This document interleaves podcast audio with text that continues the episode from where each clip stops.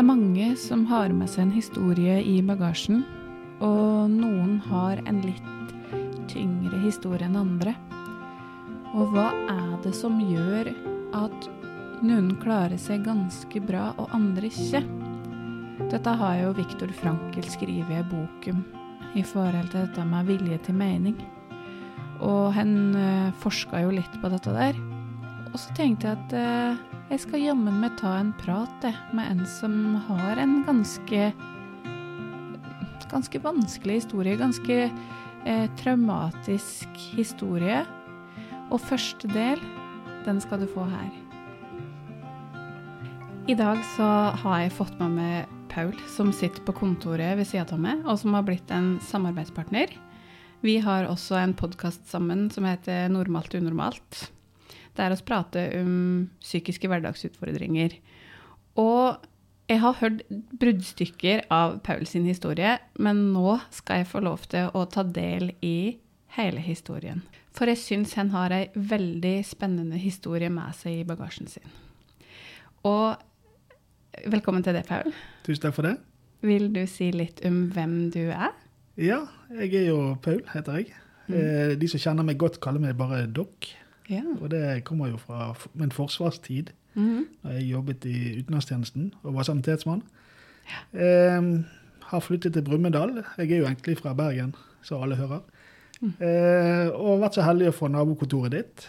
Ja. Der vi driver da, jeg driver med samtale, samtaler med mennesker som har ulike utfordringer, og trenger litt råd om hvordan de skal takle de og veien videre. Eh, og før coviden så drev jeg veldig mye med eh, foredrag.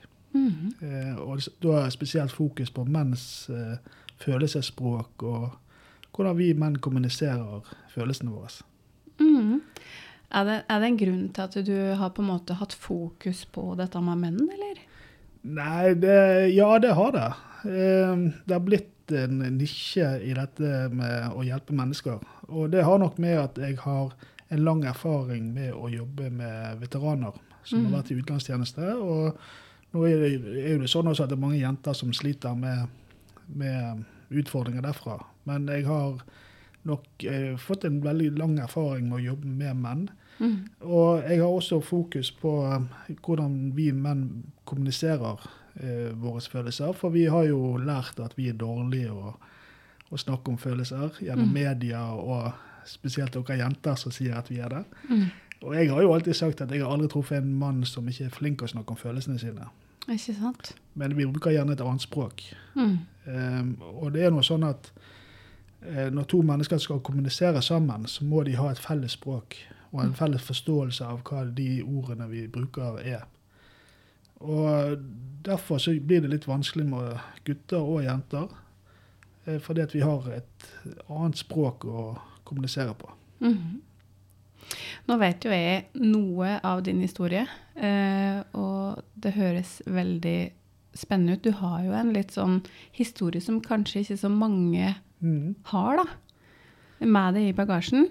Eh, og da er jo jeg veldig interessert i å spørre deg om hvordan var det egentlig, hvis en skal starte i barndommen, da? Ja, begynne på begynnelsen. Ja, hvordan var det Hvordan var barndommen din? Jeg har alltid tenkt at min barndom var ganske normal. Mm. Eh, fordi at eh, jeg visste ikke bedre. Eh, men jeg har jo lært meg eh, med, gjennom utdannelse og livet at eh, mange av de tingene som jeg opplevde i barndommen, har nok satt sine spor eh, i meg. Ja. Som jeg har levd med, og fortsatt lever med, i, i alder av 54 år. Mm. Eh, gjerne ikke de er så plagsomme nå når jeg er blitt bevisst de, men, eh, men eh, Og det er jo det med å bli bevisstgjort eh, de utfordringene man har, har fått gjennom livet, mm. er, jo, er, jo, kanskje nøkkel til mye eh, suksess i, i, disse tingene. Mm. Men jeg vokste opp da med, i Bergen. Ja. Med en mor og en far og en litt eldre søster. Hun er 14 måneder eldre enn meg. Jeg er født Eh, for de som kjenner Bergen, så er jeg født midt i marken. På en tinntallerken, som det heter der. eh, og vi bodde da i en leilighet som eh, Ja, vi hadde ikke innlagt varmt vann. Nei. Vi hadde utedo, som det heter. Vi eh, hadde sånn kagger på baksiden av bygget. Eh, ja, sånn typisk utedo. Som var ganske normalt i disse bygårdene som, som lå rundt der. Eh, min far var sjømann Mm. og var mye vekke. Og min mor da jobbet på kontor i kommunen. Ja. Eh, så vi var nok eh, ja, sånn som familier flest er. Noen ganger var vi tre, noen ganger var vi fire. Eh, min far eh, sleit nok allerede da med alkohol. Han eh, reiste jo ut som eh, 14-åring til sjøs, som var ganske vanlig på den tiden.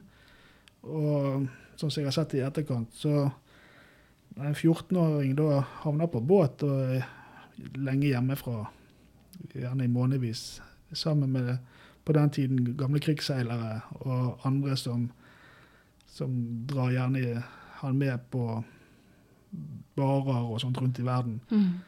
Og da tenker jeg at han gjerne utviklet et- ganske tidlig et alkoholproblem. Ja. Eh, som er ganske naturlig. For det at han, for å komme inn i den flokken så, som Måtte det på en måte så måtte bli sånn? Ja, du måtte gjøre det som de Mm. andre gjorde. Mm. Så eh, han, eh, når han var hjemme, så var jo han ofte full. Mm. Eh, han, eh, det første bildet jeg eh, husker av min far, og så jeg tenker tilbake igjen, det var at han kom ut av arresten på politistasjonen Ja. og var fortsatt full. Eh, Ja. Politistasjonen lå, lå også i marken, eller ligger fortsatt der. Og da hadde han blitt uh, tatt inn på, på en sånn fyllerest. ja. Og uh, vi traff han på utsiden der. Det er mitt første bilde av min far, som jeg husker. Oi.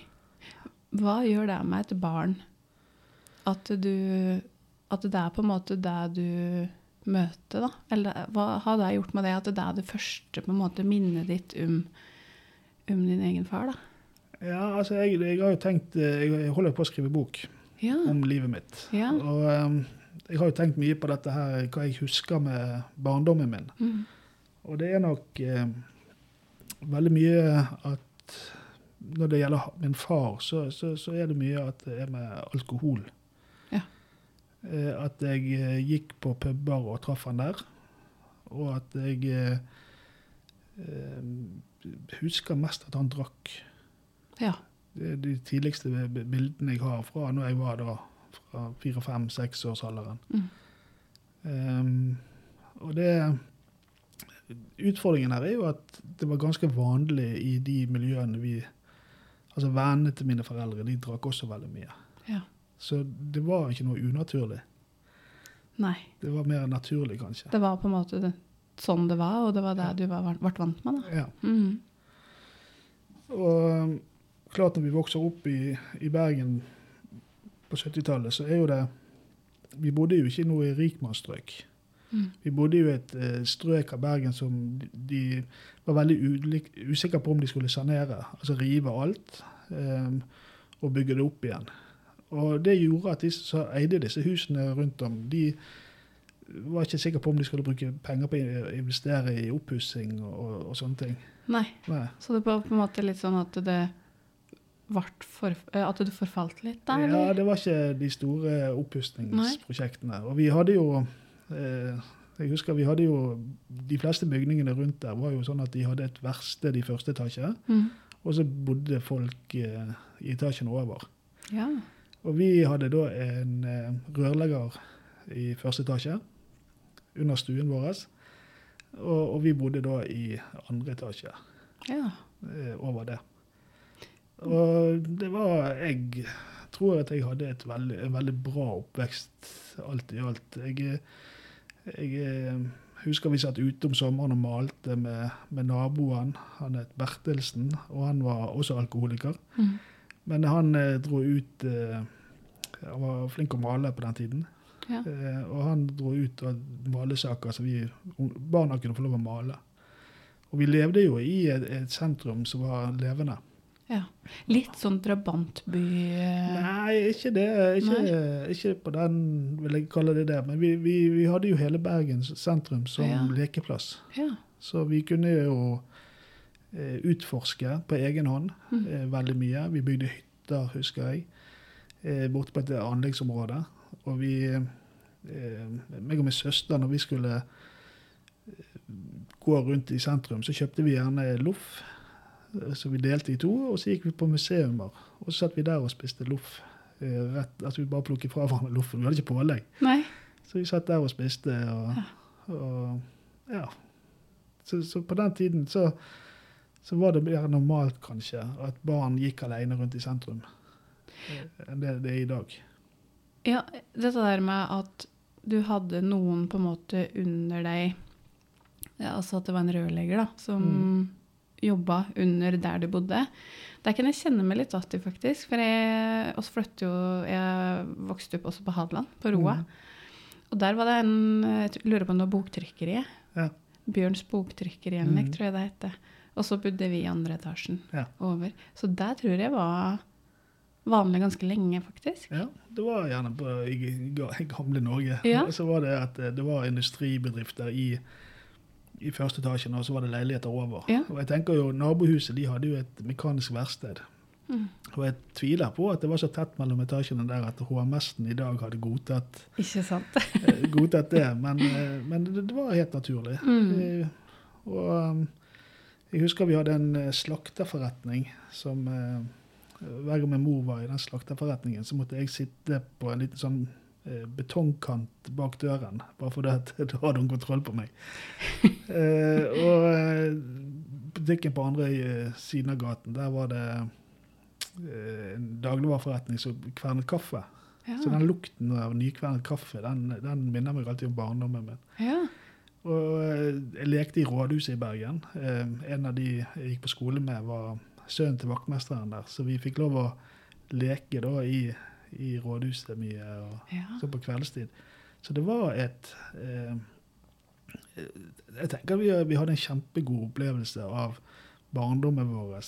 Eh, vi badet i fontene i parken. Mm. Eh, vi hadde buekorps.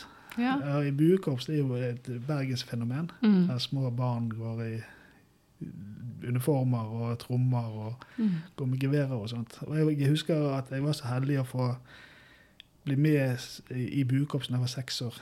ja. Og min første dag i buekorps, da marsjerte vi i fem timer. Å, oh, kjære var vene. bu, buekorpsenes dag. Og Oi. eh, jeg var så lykkelig den kvelden. Jeg var så sliten, men lykkelig, husker jeg ennå. At jeg eh, endelig fikk være med i buekorps. Det var jo noe var stort, for oss. Ja. Mm. Men jeg husker også det at jeg eh, rømte hjemmefra. Mm. Uten at jeg kan fortelle nå hva årsaken til at jeg rømte var. Mm. Men jeg husker at jeg eh, rømte opp en lekeplass som lå i sentrum, og satt meg inn i disse lekeapparatene. Og jeg satt gjerne der til det var blitt mørkt, før jeg da eh, gikk hjem igjen. Ja. Um, og det skjedde ganske ofte, sånn som jeg husker det. At jeg valgte å rømme hjemmefra. Ja. Eh, sånn som små barn på fem-seks år gjerne gjør. Men, men, men det var ikke noe som kom etter meg. Nei. Var de på en måte redde for det når du kom igjen? Fikk du på en måte Nei. litt sånn åh, herregud, hvor har du vært? Jeg har vært Nei, for det, kjemperedd for deg. det var na naturlig at barn var ute på den tiden til det ble mørkt. Ja. Eller de ble sulten. Mm. Da kom de hjem igjen. Mm. Så det var ikke sånn som i dag, der vi er veldig påpasselige med barn og har eh, trekking på, med mobiltelefoner eller ja. Kanskje det har blitt litt vel overbeskyttende, faktisk. Ja, Tiden har forandret seg. Ja. Men på den tiden så var, gikk du ut og lekte i gatene, Mm. og så kom du hjem når du var sulten eller trøtt. Mm. Og det ble, ble kveld og mørkt og sånt. Men hvordan var det i forhold til skolehverdagen din? Hvordan var den? Jo, altså Det var jo På den tiden her så var det Du begynte på skolen når du var syv. Ja. Eh, men du kunne, hvis du var født sent på året, så kunne du gå en sånn to dagers prøve på om du var moden nok da, for å komme inn på skolen når du var seks. Og, og det gjorde jo jeg. Mm. Jeg eh, husker jeg gikk på Kristi Krybbe skole. Det er jo den største, eller eldste skole i Norge, faktisk. Ja. Som fortsatt i bruk. Og ligger ved siden av Fløibanen, for de som eh, er kjente. Og jeg skulle da eh, liksom komme og bli testet på skolen om jeg kunne være moden nok til å gjøre det. Og etter første dagen så hadde jeg om kvelden så hadde jeg sikkert herjet eller spilt fotball eller vært litt sånn aktiv, for jeg var jo et aktivt barn, så hadde jeg klart å få en blåveis. Ja. Og så når jeg kom på dag, dag to da, på den eh, modenhetsprøven, eller hva det var for noe, mm. så skulle jeg synge en eh, sang som het eh, 'Lille blåveis'. Så da møtte jeg da i høyhalset blå sånn genser, mm. blå bukse og så blåveis, så sang jeg eh, 'Lille blåveis'. Og da eh, var, fikk jeg beskjed at jeg var moden nok til å begynne på skolen da jeg var seks år. Ja.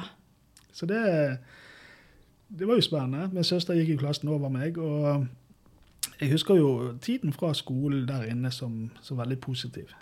Ja.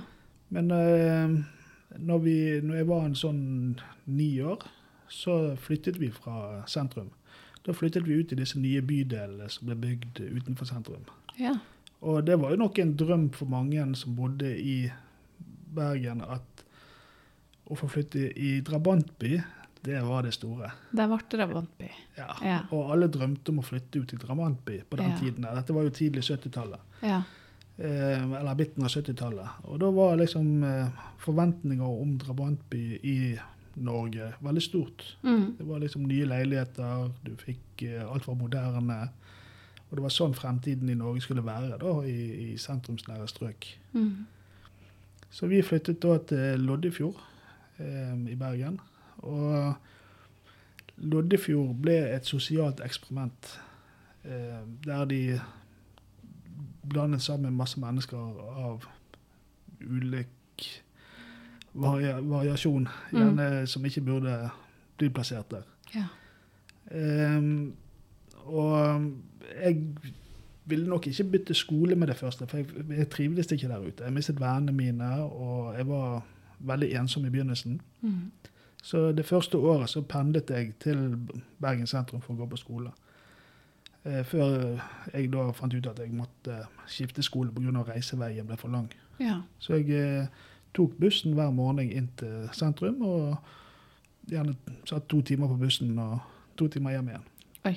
Selv i dag så er det bare et kvarter å kjøre, men på den tiden så var det veiene litt Ja, det var ikke de fine veiene som det er nå? Nei. Nei. Um, og vi Eh, så jeg var mye aleine. Altså, jeg hadde ansvar for meg sjøl. Så ble jeg tidlig voksen. Eh, Måtte tidlig begynne å ta ansvar, på en måte? Ja. ja. Det gjorde du gjerne fra fem-seksårsalderen. Så, ja. så tok du ansvar for, for mye sjøl. Eh, du klarte deg mer enn barn i dag på den alderen klarer seg. Mm. Eh, men da når jeg da begynte på skolen ute i, i Loddefjord, så, så ble det på en, ble jo ny tidsregning. Eh, det var flere folk, det var større forhold. Eh, og som sagt så var jo det et sosialt eksperiment hele Loddefjord på den tiden. Mm. Eh, min far fant jo sine drikkevenner der òg. Mm. han jobbet da Han var sluttet i, i, å være sjømann og begynte heller i Nordsjøen. Ja. Så han hadde jo mye tid når han var hjemme, til, ja. å, til å, feste. Mm. Og det gjorde nok at der også ble det ganske naturlig med alkohol i omgangskretsen. Mm. At uh, når alle gjør det, så blir ikke det så Da blir så, det mer vanlig. Da blir det mer vanlig. Men var det, var det i ukedager, og var det ofte? Ja, det var hver dag han hver drakk. Dag? Ja. Og det var ofte det når vi kom hjem fra skolen, så, så var han uh, enten lå han og sov på gulvet eller i sofaen, ja. eller Ja. Han, eh, Men hvordan var det da å ha med seg venner hjem igjen? I og med at det ja. kanskje var litt sånn vanlig blant gjengen der, da? Vi, vi tok ikke venner med hjem. Nei. Det gjorde vi ikke. Nei, okay. det, vi var ute hele tiden. Mm. Og um, det var liksom, og på den tiden så hadde du ikke verken mobiltelefon eller data. Det var jo før internetten var oppfunnet. Mm. Så, så, det var jo naturlig at barn var ute. Ja. Mer enn i dag. Eh, men vi tok ikke med venner hjem eh, på den samme måten. Nei. Hm.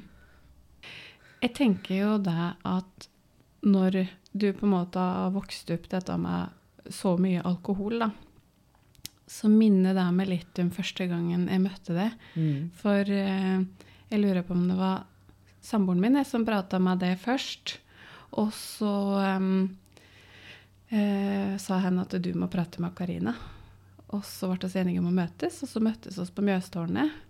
Og da kommer jeg ihåg du fortalte meg at noe som trigga deg veldig, det var det at når jeg f.eks. fylte noe i et glass jeg Vet du hva jeg som fylte vann i glasset mitt? Og da kjente du på en sånn der følelse. Mm. Vil du si litt om det? ja, jeg, altså jeg eh, kjenner på en veldig sånn sinne når jeg hører den lyden at noe blir slått opp i et glass. Ja. Og i mange, mange år, nesten hele mitt liv, så har jeg blitt sint på den som slår opp i glasset. Men her for noen år siden så måtte jeg lære meg at jeg måtte identifisere det. Hvorfor blir jeg så sint på deg hvis du tømmer noe oppi et glass kaffe, et eller annet. Mm. Og da eh, kom jeg frem til det at det er fra ungdomstiden min og barndommen min så har jeg alltid vært sint på min far når han satt og drakk. Ja. Um, det er ikke bare det som trigger meg, men det er en av de tingene som trigger meg med å høre den lyden. For det at jeg husker at jeg ble så veldig sint hver gang han drakk. Mm. Um, og da har jeg nok sikkert kjeftet på mange opp gjennom i livet. Litt ufortjent. Uh, for det at jeg blir, uh, blir, sint på den lyden. Mm. Og det gjør jeg i dag òg, men nå vet jeg hvorfor jeg gjør det. Ikke sant. Ja. Så du kjenner fortsatt på samme triggeren i dag? Ja, det, med en gang jeg hører den lyden, så kjenner jeg det i magen. Eh, og det er nok eh, Ja, det å sitte i samme stue som en som drikker mye. Mm. Eh, eller lukter og sånt. Det Ja. gjør noe med, med de eh, responsene dine. Ja. Ja. Mm. Og det er jo ikke rart, da, tenker jeg heller. At du har det sinnet over at den drakk heller. For det handler jo sikkert mye også om eh, en annen følelse, som jeg og du også har prata mye om, som dette med skam. Mm. Ja, altså, som sagt, Loddefjord var jo et sært sted. Mhm. Det var faktisk eh, jeg pleier å si, det var faktisk første stedet i Norge at politiet gikk med skuddsikre vester som standardutrustning. Såpass, ja. Eh, og det var mye. Jeg hadde en jeg gikk i klasse med. Han eh, var involvert i å skyte en politimann, blant annet. Oi. Eh, og det var, det var mye tragedier i det, det området. Det var liksom beryktet. Mm. Eh, 5071 Loddefjord, det har vel et dårlig rykte ennå. og eh, det At alle rundt eh, oss hadde mange utfordringer, det, det ble på en måte naturlig. Mm. Og, um, men så har jeg tenkt også, og så sier jeg i mine foredrag, det er at hva førte det til for meg? Og hvorfor eh, har jeg gjort de tingene jeg har gjort? Har det en sammenheng med at jeg ville bevise noe overfor min far? Ville jeg identifisere seg med min far? Ville jeg ja, på et eller annet provosere min far? Mhm. Altså, jeg var jo dårlig på skolen. Mhm. Jeg har dysleksi, og fikk liksom aldri noen gode karakterer på skolen. Jeg ble en skuffelse kanskje for han.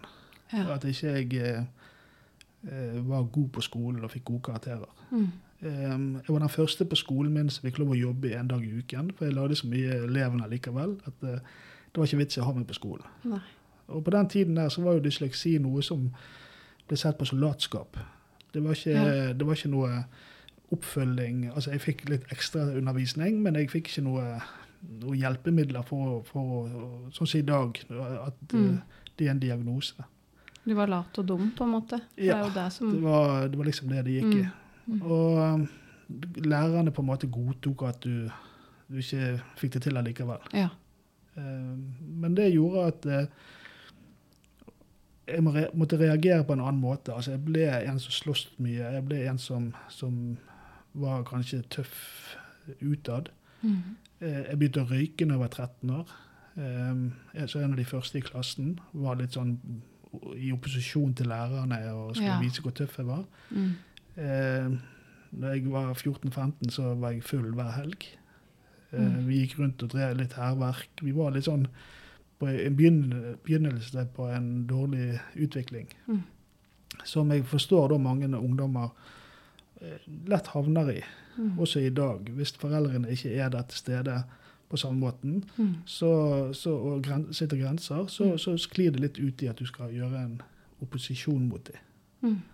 Men Hva tror du det handla om for det? For veldig ofte Jeg prater om dette Ja. med atferd. Og at bak en atferd så ligger det et behov, Mm. og bak det behovet så ligger det en følelse. Ja, altså Med den kunnskapen jeg har i dag, så tror jeg nok det at det å bli sett Mm. eh, var min måte Altså, jeg, jeg, jeg begynte å røyke da jeg var 13. Mm. Det er jo ikke normalt i dag at du røyker når du er 13, men, men på den tiden så var det liksom Jeg skulle prøve å identifisere meg med far, kanskje. Ja, eller et sånt, kanskje et eh, behov for å bli sett, Mm. som du sa, da. Ja. At um, denne opposisjonen er all oppmerksomhet er god oppmerksomhet, kanskje. Ja.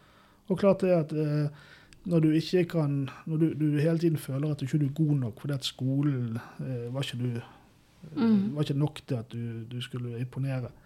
Begynte med idrett, men han fulgte jo aldri opp. Han var med bare et par ganger på, i hele, hele oppveksten Mm. på noen arrangementer. Eh, og jeg begynte Jeg tok jo etter eh, niende klasse så tok jeg utdannelse som sjømann. Ja. Og tenkte at det må jo være en eh, fin ting for han som er sjømann og har fortalt masse historier fra, fra sitt liv. ja. Så kan jeg på en måte også bli noe i hans øyne. Du ville jo bare Altså, det er på en måte det er et lite barn da, som Mm. ønsker at pappa vær så snill å se meg. Ja. Godta meg for den jeg er. Ja. Eller nå skal jeg please deg. nå skal jeg... Altså, dette har jo jeg og du prata mye om, dette med Mm. arvemiljø og dette med flokkmentaliteten. Ja. Dette med å passe inn i flokken. Mm. Dette med å ikke bli utstøtt. Du gjør alt for å ikke bli utstøtt. ikke Mm. sant? Prøve masse med å finne de derre Ja, men se på meg nå, da. Mm. Er jeg godtatt nå? Se på meg nå, hvis jeg gjør sånn, da. Og det blir jo til at du, selv om ikke du er bevisst det, så gjør du, gjør du sånne ting. Mhm. Jeg husker jeg, da når jeg var 17 år, så begynte jeg som dørvakt i Bergen. Ja. Um, Jeg hadde ikke lov å være dørvakt som 17-åring, men, eh, men jeg gikk noen spurte og- om jeg kunne få jobb, og det fikk jeg. Og han ble jo litt overrasket etter et halvt år når jeg spurte om jeg kunne få fri, for jeg skulle feire bursdagen. Og han fikk vite at det var 18-årsdagen min. Ja. For det måtte være egentlig 18 år for å jobbe der. ja. Men, men det jeg gjorde, jeg begynte som dørvakt på den stampuben til min far. Ja. Og jeg har prøvd å analysere dette. Hvorfor nettopp den, eh, altså, den restauranten ja. eh, Hvorfor begynte jeg å jobbe der som 17-åring? Var det for å passe på min far? Mhm. Var det for å kontrollere min far? Eller var det for å vise min far at jeg var der? Igjen kanskje et behov for å bli sett, da. Ja. At det var eneste måten hun kunne se det, var at hun så det der hun vanka. Mm. Og jeg så han der. Ja. Ja. Ikke sant? Men så vet jeg ikke om det var for at da hadde jeg kontroll over drikkingen hans. Jeg kunne hive han ut når han ble for full. Ja. Eller om jeg ville beskytte han mm. eh, hvis han ble for full. Ja. Det vet jeg ikke. Eh, men eh, det ble nå at eh, jeg var nok en villstyring. Vi røykte hasj, og vi gjorde mye sånne ganske uskyldige ting, egentlig, men som kunne lett ført meg ut i en negativ spiral ganske tidlig. Mm. Mm. Og det var jo eh, mange allerede da som døde av overdose. Jeg, er en jeg gikk i klasse med, døde av overdose. Ja. Eh, flere av vennene mine var narkomane eh, allerede på den tiden. Ja. Og mange av de er jo døde i dag, i dag Mm. dessverre. Ja. Så jeg eh, pleier å si at halvparten av oss vi klarte oss, og halvparten de gikk til grunne. Eh, og det er helt tilfeldig hvem av oss som, som da bestemte oss for at nei, vi skal ha et bedre liv enn det som vi holder på med nå. Mhm. Så det var jo et bevisst valg. Jeg hadde lyst til å reise i militæret, og jeg hadde lyst til å komme meg litt vekk. Derfor Ja. så stoppet jeg med de negative tingene. Mm. Jeg hadde vel også en drøm om å bli politi på den tiden. Ja.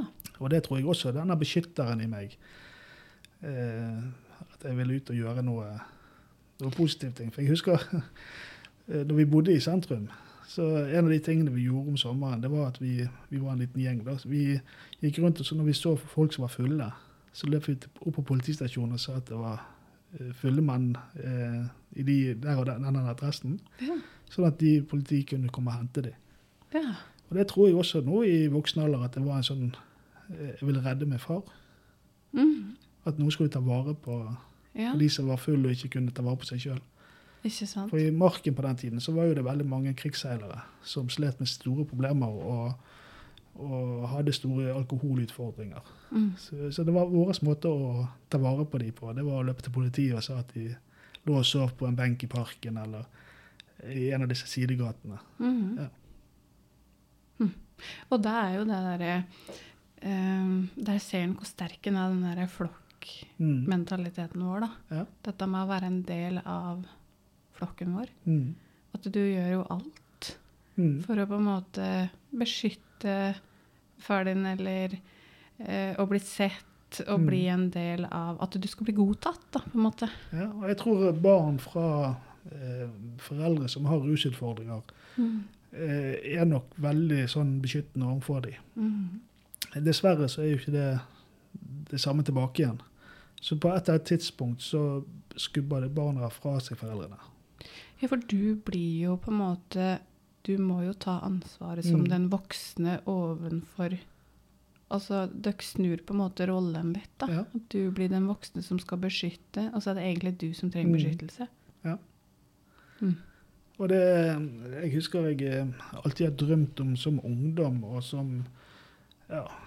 Det er jo at jeg skulle bli eh, politi eller soldat. Mm. Jeg skulle beskytte et eller annet. Og da kanskje jeg skulle beskytte familien eller min far.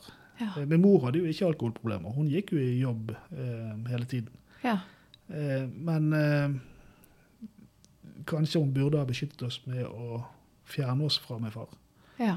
Eh, fordi at de, mer og mer utover i ungdomstiden så så jo jeg det at han også ble, kunne bli voldelig når, overfor hun når, eh, når han var full. Mm. Eh, og var liksom Det var mye støy ja. med han.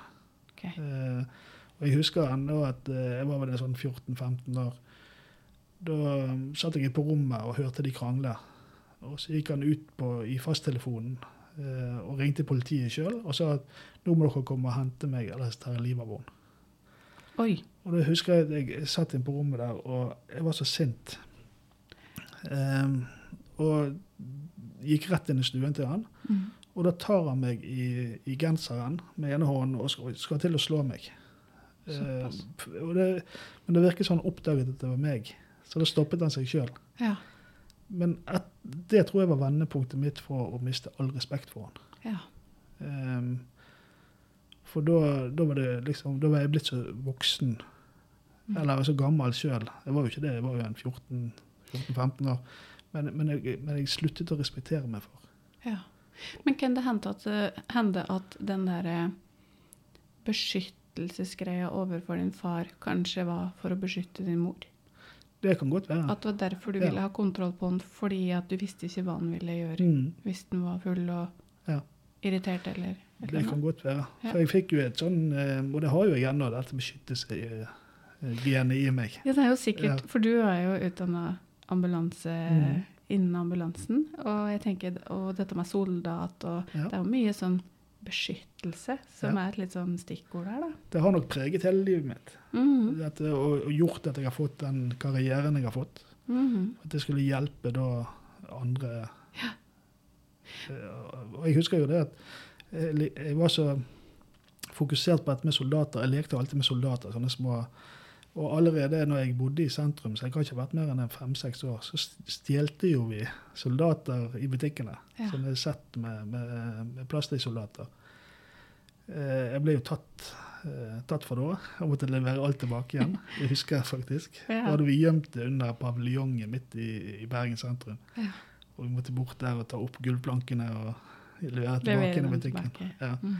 Så det var jo en veldig skamfull liten gutt som måtte gjøre det. Ikke sant. Men, eh, men jeg, eh, min far var jo i, i, i Heimevernet, Mm. og på den tiden så hadde de våpen og ammunisjon hjemme. Så jeg, hadde, jeg lekte med kulene hans. Ja. Eh, og brukte de i leken min eh, når jeg satt på rommet. Og det høres jo kanskje litt sånn makabert ut at du leker da med, med ammunisjon. Men det var liksom rakettene mine. Ja. Og i femte klasse så tok jeg de med på skolen. Oi. Og viste de frem at uh, jeg hadde da ambisjon. Ja. Og det ble jo selvfølgelig oppstandelse. ja. Og masse styr med, med lærere og, og sånne foreldre som ble innkalt på teppet. og ja. Ja, men, uh, men, det skjedde ikke noe mer enn det. Jeg fikk fortsatt leke med det hjemme, men jeg måtte love da at du ikke tok det med, jeg tok ikke det med meg ja. ut. Mm. Jeg holdt det hjemme. Mm. Så, så, det var en del av min oppvekst å ligge på gulvet og leke med krig med, disse, med levende ammunisjon. Ja. Så drømmen min var som sagt at jeg skulle bli leiesoldat. Ja. For det var det jeg hadde på et eller annet tidspunkt fått inn i hodet, at en leiesoldat, det må være veldig bra. Mm. Um, Men for å avbryte litt, kan det også For mange har jo Ut ifra det du forteller, da, så handler det jo også om at det er den derre søken etter litt sånn å leve på kanten, mm. eller det er kicket, adrenalin. Var det noe av det òg som gjorde at uh, ja, det tror jeg. For det at, uh, altså, du føler jo deg mer levende da. Og vi, mm. på den tiden så hadde vi jo så, I ungdomstiden så hadde vi kriger mellom bydelene. Oh, ja. Vi hadde pil og buer, vi hadde kniver. Sant? Vi, hadde pil og bue som vi piler med spiker på. Så vi skjøt på andre. Så det var litt sånn mer brutalt uh, på den tiden enn det de gjør i dag. I dag har de dataspill, men på den tiden så hadde vi ikke det. Så da måtte vi leve ut uh, spenningen sjøl. mm. Um, og klart, når du har det vondt, så er kanskje det å få en fysisk smerte bedre enn den psykiske. Ja. Det er jo derfor mange eh, unge driver med selvskading, f.eks. Mm. Eller gjør ting som er litt eh, eh, Sånn at de skal få litt smerte og kjenne på den smerten. For det tar vekk den psykiske smerten. Mm. Um, så det er litt sånn det, altså det er litt sånn blandete følelse. For jeg føler også at jeg har hatt en god oppvekst. Ja. Samtidig så jeg vet at mye av det som jeg opplevde i oppveksten, er negativt og skadelig. Mm. Um, men det førte da til at jeg tok de valgene som jeg gjorde. Altså jeg utdannet meg som sjømann. Jeg valgte å bli soldat i utlandet. Mm. Så vi kan snakke litt mer om seinere, men jeg reiste jo ut i syv kontingenter. Og kanskje derfor jeg også ble skadet. Ja. Fordi at jeg hadde så lyst til å hjelpe, og når jeg ikke klarte det, så fikk jeg Nederlag. nederlag. Ja. Jeg tenker når du vokste opp altså Det som er viktig for barn, er jo dette med å føle mestring, kjenne på mestring. Hva kjente du på mestring, eller når kjente du på mestring? Nei, altså, det var jo ikke på skolen så mye, for det at jeg eh, fikk jo alltid dårlige karakterer. Ja. Eh, jeg, var, jeg hadde alltid en god fantasi. Jeg var veldig flink til å skrive stiler. og skrev, altså, elsket å skrive stiler og, og liksom lage meg en drømmeverden. Mm. Eh, så mestring på skolen hadde jeg ikke så mye av. Eh, jeg hadde i idretten Jeg var veldig god i fotball. Mm. Eh, frem til jeg fikk beskjed om at eh, jeg hadde ikke knær til å drive så mye med for Vi spilte jo ikke på gress på den tiden, det var grus og asfalt. Ja. At jeg kunne spille Jeg kunne trene, men jeg fikk ikke lov å spille kamper. Så da sluttet jeg liksom med det, ja. og gikk over til eh, ja, mer alkohol og utagerende Mm. ting. Jeg kjente vel ikke på mestring skikkelig før jeg kom i Forsvaret. Da måtte jeg eh, på mange måter vekk fra Bergen og inn i førstegangstjenesten og sånt. ja. Eh, og jeg husker at jeg hadde lyst til egentlig å bli eh, militærpoliti i marinen. For vi Mhm. har jo den største marinebasen, ligger jo i Bergen. ja. Og den ligger også i Loddefjord. Så da tenkte jeg at jeg kunne bli eh, militærpoliti der, og så søke meg i politiskole etterpå. Mhm. Men så er det sånn i Forsvaret at de gjør kanskje motsatt. Så jeg havnet i Hæren som sanitetsmann. ja. Og jeg var litt skuffet i begynnelsen. Men eh, så traff jeg en, eh, en gammel lege som hadde vært med i Koreakrigen. Eh, som jobbet på våpenskolen. da. Og han eh, hadde lange samtaler med meg om det å jobbe med sanitet. Og hva det betydde. ja. Og det trigget nok denne beskyttelsesinstinktet mitt. Og eh, etter det så, jeg, så ble jeg tillitsvalgt. Jeg ble tillitsvalgt for hele, hele leiren. Mm. Og eh, jeg begynte å få mer og mer utdannelse innen sanitet. Mm. Som gjorde at jeg eh, Og jeg fungerte veldig godt til det. Så da vokste jeg veldig mye på det første året. Jeg hadde en utrolig utvikling der jeg følte mer eh, Der jeg tok mer ansvar for livet mitt, kanskje. ja. Ja. Men den legen, var det en litt sånn eh, Hadde du mange samtaler med han? Ja da. Eh, siden jeg var også tillitsvalgt i leiren, så ble det til at jeg, jeg, jeg var der et år. Jeg var et år på Eller nesten et år. da. Jeg hadde et par måneder på noe sånn medisinsk rekruttskole på Voss. Mhm.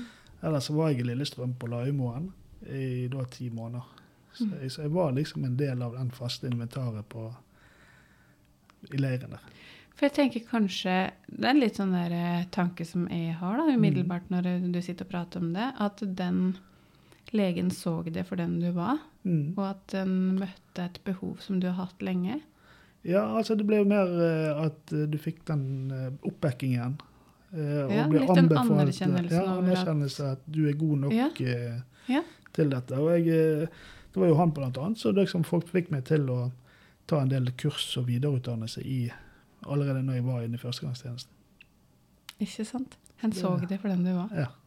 Så bra. Så når jeg da var ferdig med Eller mens vi var i førstegangstjenesten, så hadde vi snakket veldig mye om dette å søke oss til Libanon, til Sør-Libanon. Eh, og min eneste, eneste erfaring derfra var jo at jeg hadde lest i, i Vi Menn og sånne blader at det var farlig og tøft. Mm. Og vi hadde en eh, nabo i Loddefjord som hadde vært der, som alle sa at du må ikke snakke med han når han har drukket alkohol, for da er han farlig. Så det var liksom bare Oi. OK, skal vi søke oss til Libanon? Er ikke det liksom veldig farlig der? Ja. Men så gjorde vi det. Og, men så var det da Vi var den en tre stykker som fant ut en kveld at vi skulle søke oss ned til Libanon. For vi hadde jo ikke noe jobb når vi var ferdig i førstegangstjenesten. Eh, og på siste avsluttende kaffe med leirsjefen, da når vi skulle liksom få tjenestebeviset og reise hjem, så sier han det at eh, til den gjengen som skulle dimittere da, at eh, ja, nå er, nå er dere ferdig med førstegangstjenesten og ferdig med forsvar for denne gang. Utenom Paul og en til, da. ja. Dere skal møte om tre uker og reise til Libanon.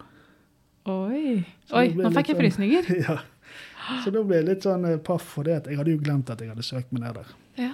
Men jeg klarte det. Jeg måtte jo ta den utfordringen. ja. Så tre uker etter jeg var ferdig med førstegangstjenesten, så møtte jeg på nytt på Østlandet og var klar til å reise til Sør-Libanon. Og det jeg tenker nå, da, at nå skal vi holde folk litt på pinebenken. For denne historien eh, vet jeg kanskje kan være også litt lang. Mm. Nå har vi prata i snart eh, tre kvarter. Over tre kvarter. Og jeg tenker kanskje at vi skal ta en del to på denne historien. Ja, det kan vi gjøre. Ja, For da kan du få fortelle om litt sånn eh, tiden i eh, utenlandstjeneste. Ja. Og hva Mm. det gjorde med meg. Ja, minst. og hva du gjorde med det. For der Ja. vet jeg jo at uh, du har hatt uh, mye utfordringer rundt deg. Mm. Mhm. Ja. Men da skal vi holde folk litt på pinnbenken, og så tenker jeg at vi snakkes igjen. Det gjør vi, vet du. Takk for nå. Takk for nå.